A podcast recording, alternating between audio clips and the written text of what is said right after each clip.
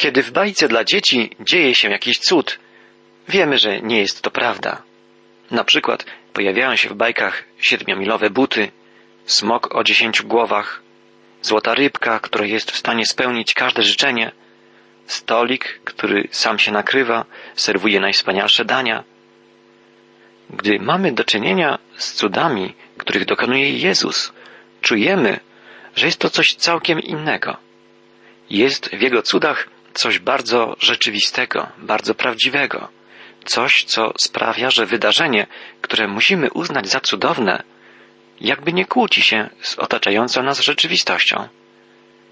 Najlepsze wytłumaczenie tego faktu znalazłem w bardzo interesującej książce pod tytułem Bóg na ławie oskarżonych. Książce autorstwa wybitnego apologety chrześcijaństwa C.S. Lewisa.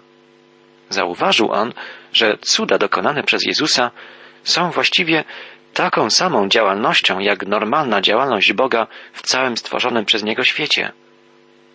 Różni się jedynie tempem i skalą wydarzeń. To znaczy, że dzieje się coś, co wydarza się na co dzień, tylko na mniejszą skalę, a za to z o wiele większą prędkością. Na przykład, co roku Bóg sprawia, że z posianych na polach ziaren wyrastają kłosy z pomnożoną wielokrotnie ilością ziarna, z którego potem wytwarza się chleb. Nakarmienie przez Jezusa tysięcy ludzi małą ilością chleba jest właściwie tym samym procesem, tylko że wszystko dzieje się o wiele szybciej. Z małej ilości chleba Jezus cudownie tworzy dużą ilość chleba. Tak jak z małej ilości ziarna co roku Bóg tworzy wielką ilość ziarna.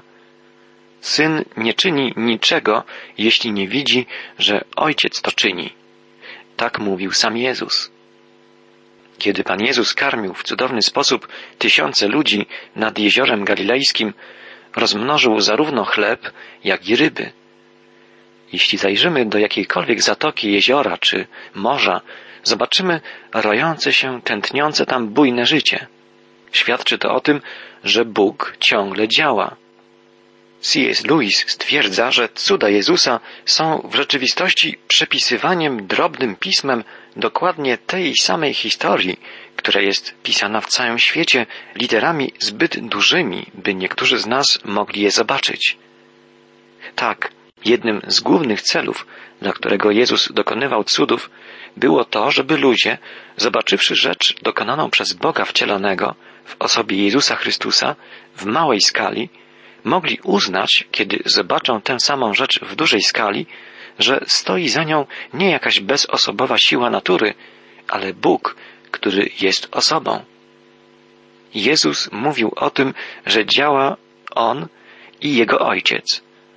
Cuda, których dokonywał, poświadczały zarówno Jego moc i Jego tożsamość, jak i moc i tożsamość Boga Ojca. Ludzie, będący świadkami cudów Jezusa, wielbili zarówno Jego, jak i Boga Ojca. Zobaczmy, jak zareagowali uczestnicy cudu pomnożenia chleba, o którym mówiliśmy podczas naszego poprzedniego spotkania.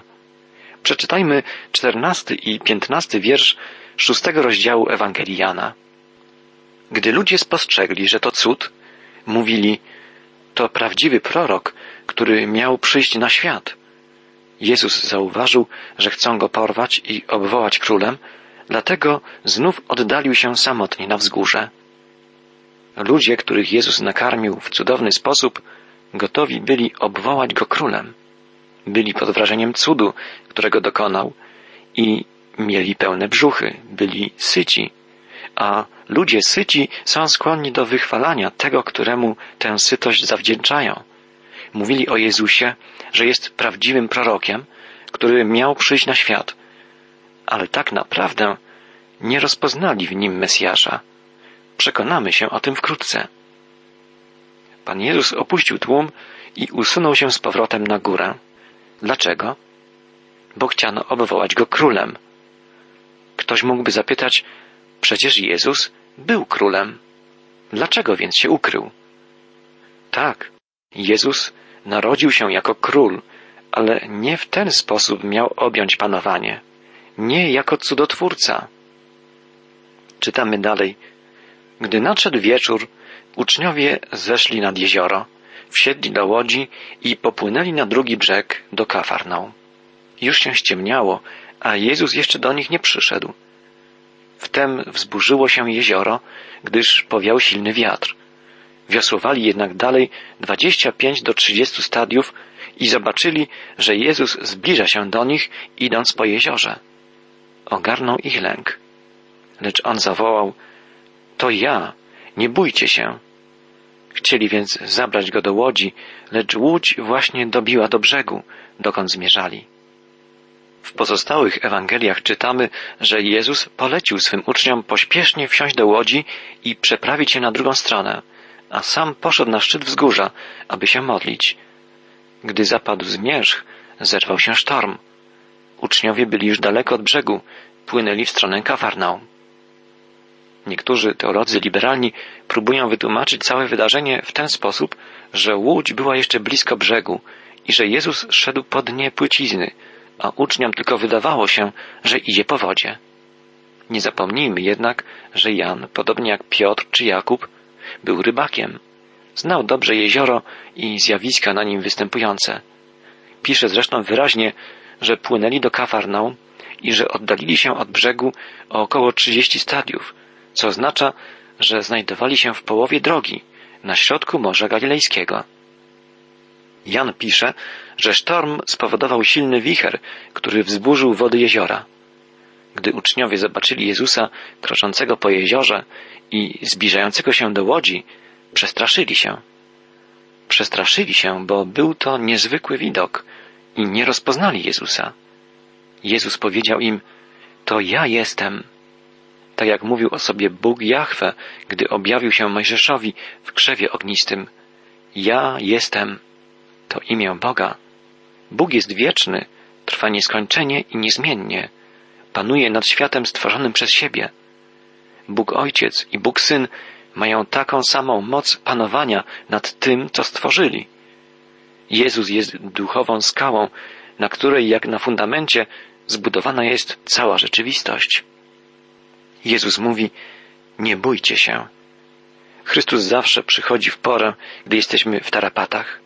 Nie wiemy, dlaczego Jezus pozwala, by w naszym życiu pojawiały się zburzone fale doświadczeń, ale być może, gdy wszystko jest w porządku, po prostu go nie słyszymy, bo wydaje się nam, że nie jest nam potrzebny. Jego głos dociera do nas w czasie sztormu, gdy uświadamiamy sobie, że o własnych siłach nie poradzimy sobie. Apostoł Jan pisze, że gdy uczniowie chcieli zabrać Jezusa do łodzi, natychmiast znaleźli się przy brzegu, do którego zmierzali. To kolejny cud dokonany przez Jezusa. On nie tylko przychodzi, gdy potrzebna jest nam Jego pomoc, ale rozwiązuje nasze problemy, przynosi nam ratunek. Sprawia, że łódź, którą płyniemy poprzez życie, dobija do bezpiecznego brzegu. Doświadczyłem tej prawdy nieraz sam, a chwila, którą pamiętam najlepiej, to dzień, w którym zawołałem do Boga, czując się zupełnie bezsilnym. Był to trzeci dzień mojego pobytu w wojsku. Był wtedy stan wojenny. Czułem się zupełnie osamotniony i nieszczęśliwy. Nie wyobrażałem sobie, jak w takim odosobnieniu wytrzymam cały rok. Wydawało mi się, że Bóg nie słyszy mnie. Nie potrafiłem się modlić. Zrozpaczony zawołałem do Boga, mówiąc po prostu: Panie, nie umiem się modlić. Pomóż mi. Od tej chwili jakby otwarło się niebo. Bóg sprawił, że poczułem się bezpiecznie i wiedziałem, że nie jestem już sam. Bóg obdarzył mnie swym pokojem i przeprowadził mnie przez cały okres służby wojskowej tak cudownie, że do dziś wspominam z wdzięcznością wiele rzeczy, które się wtedy wydarzyły. Tak, Jezus pomaga nam zawsze w porę, a szczególną troskę i miłość okazuje nam wtedy, gdy przeżywamy najtrudniejsze chwile. Dalej czytamy. Następnego dnia ludzie, którzy pozostali po drugiej stronie jeziora, stwierdzili, że nie było tam innej łodzi prócz tej, do której wsiedli uczniowie Jezusa. Wiedzieli też, że Jezus nie wsiadł z uczniami do łodzi i że uczniowie odpłynęli sami. Z Tyberiady tymczasem przybyły inne łodzie w okolice miejsca, gdzie zjedli chleb, za który Pan dzięki składał Bogu. Gdy więc ludzie stwierdzili, że tam nie ma już Jezusa i jego uczniów, wsiedli do tych łodzi i przeprawili się do Kafarnaum, by szukać Jezusa. Następnego dnia czytamy, a więc następnego dnia po dokonaniu cudownego rozmnożenia chleba przez Jezusa, lud rozpoczął poszukiwania, gdy okazało się, że po tej stronie jeziora nie ma ani Jezusa, ani jego uczniów. Wprowadziło to wszystkich w zakopotanie, bo widzieli, że wieczorem uczniowie Jezusa odpłynęli na drugą stronę, ale że Jezus nie wsiadł z nimi do łodzi. Nie byli więc pewni, czy Jezusa szukać po tej czy po tamtej stronie jeziora. W końcu, kiedy zbierał się coraz większy tłum i gdy od Tyberiady przypływało coraz więcej łodzi, wszyscy postanowili przeprawić się do Kafarnaum i tam szukać Jezusa. Z opisu Jana wiemy więc dokładnie, że miejsce, gdzie spożyto chleb, znajdowało się na południowym wybrzeżu jeziora Galilejskiego w pobliżu Tyberiady i że potem uczniowie Jezusa przeprawili się łodzią w stronę Kafarnaum, a Pan dołączył do nich w czasie sztormu, który zerwał się nocą. Jan po raz pierwszy używa tu tytułu Pan, mówiąc o Jezusie. Apostoł pisze, że łodzie z Tyberiady przypłynęły w miejsce, gdzie spożyto chleb po modlitwie dziękczynnej Pana. Najczęściej Jan, pisząc o Chrystusie, używa jego imienia Jezus. Jan był bardzo blisko Jezusa. Był jego ukochanym uczniem. Jezus to ucieleśnione słowo, to Zbawiciel, który przyszedł, by wyrwać ludzi z więzów grzechu. Tutaj Jan pisze jednak o nim Pan, bo Jezus objawił tu swoją moc, ukazał swą władzę nad światem stworzonym, nad prawami natury. Gdy ludzie poszukujący Jezusa dotarli w końcu do Kafarnaum, zadali mu pytanie, które świadczy o tym, że ciągle nie mogli zrozumieć, jak Jezus przedostał się na drugą stronę jeziora. Znaleźli go po tamtej stronie i zapytali: Rabbi, jak się tu dostałeś? Jezus odpowiedział im: Zapewniam was, szukacie mnie tylko dlatego, że jedliście chleb i zaspokoiliście głód, a nie dlatego, że pojęliście znaczenie tego cudu. Jezus, jak widzimy, nie odpowiedział wprost na ich pytanie. Zamiast tego odkrywa przyczynę, dla której go poszukiwali. Zna bowiem ich myśli. Mówi im, szukacie mnie dlatego, że najedliście się dosyta. Myślicie tylko o tym, żeby napełnić swój brzuch. Starajcie się o pokarm, ale nie o taki, który się psuje, lecz o trwały, który ma znaczenie dla życia wiecznego. Ten pokarm da wam Syn Człowieczy, bo Bóg Ojciec upoważnił go do tego. Jakże ważne to słowa Jezusa. Pan Jezus mówi, troszczycie się tak bardzo o pokarm, który jest nietrwały, że nie dostrzegacie czegoś o wiele ważniejszego, czegoś o wymiarze wiecznym. Cud rozmnożenia chleba był znakiem, że Bóg Ojciec posyła Syna Człowieczego, czyli swego Syna, który stał się człowiekiem, aby dać pokarm nieprzymijający, wieczny.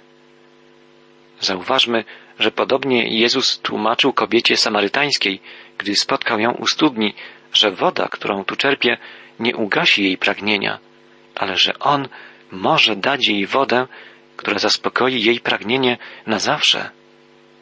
Tamta kobieta potrzebowała wody, bo była spragniona.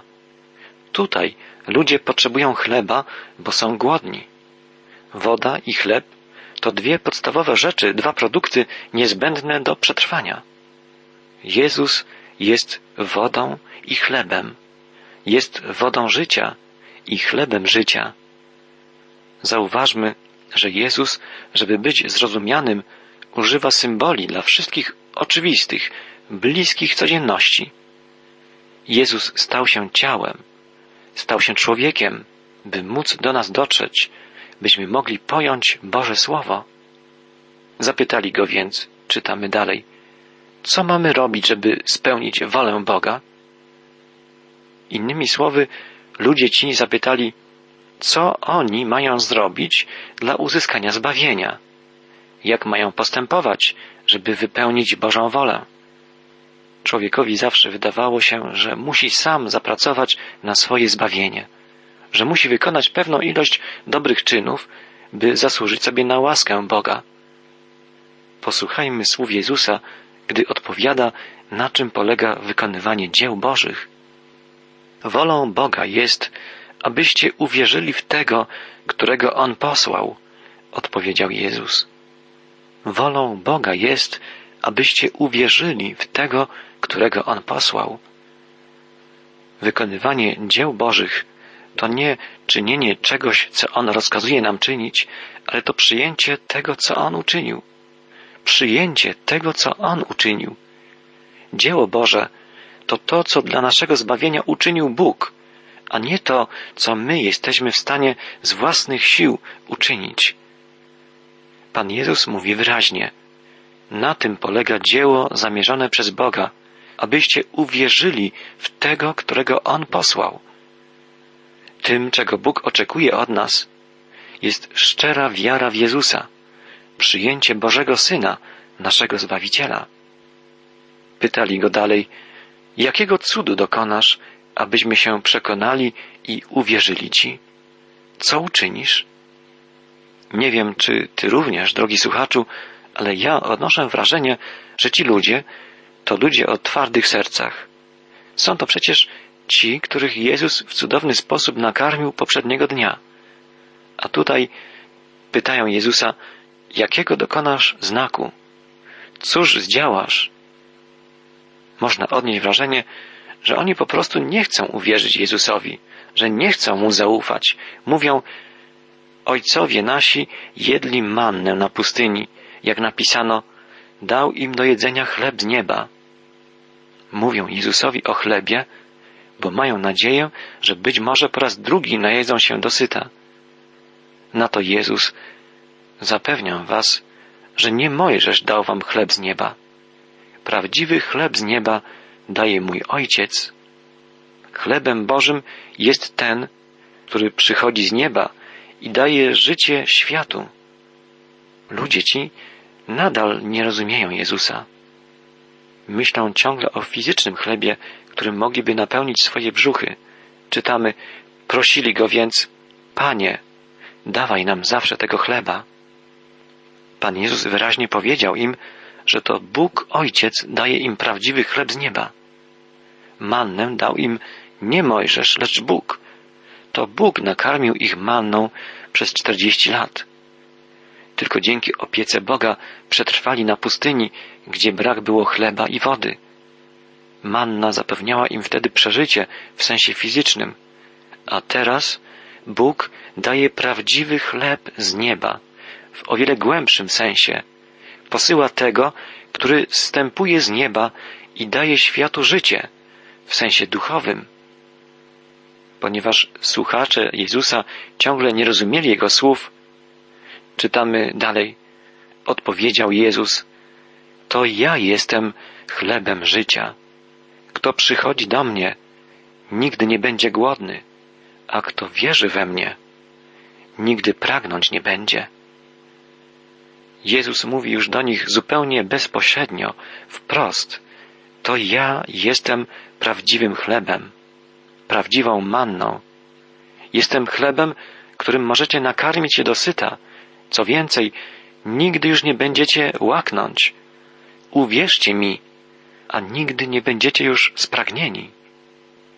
Pan Jezus mówi tu oczywiście o głodzie i pragnieniu duszy, o głodzie, który jest jeszcze silniejszy niż głód fizyczny. Jest to głód, który ma wymiar wieczny. Zaspokoić go może jedynie posłany przez Boga Ojca Jezus Chrystus. Z Jezusem spędzimy wieczność w szczęściu, w światłości, biesiadując z Nim u stołu zbawienia, tak jak panna młoda ze swoim ukochanym oblubieńcem. Bez Jezusa będziemy na wieki cierpieć w osamotnieniu, w oddaleniu od Boga, w przerażającej ciemności i pustce. Wielki myśliciel Pascal mawiał, że w każdym człowieku jest jak gdyby próżnia, której nic nie jest w stanie wypełnić prócz Boga. Nasz duch zazna pokoju i spełnienia jedynie wtedy, gdy Duch Boży, Duch Chrystusowy zamieszka w nas i nas ożywi. To nowe życie możemy rozpocząć już tutaj i teraz, przyjmując Boży dar zbawienia, karmiąc się Bożym żywym chlebem, Jezusem. To nowe życie, życie spełnione, życie w obfitości, które oferuje nam Jezus, jest największym cudem, którego uczestnikami możemy być i my, Ty i ja.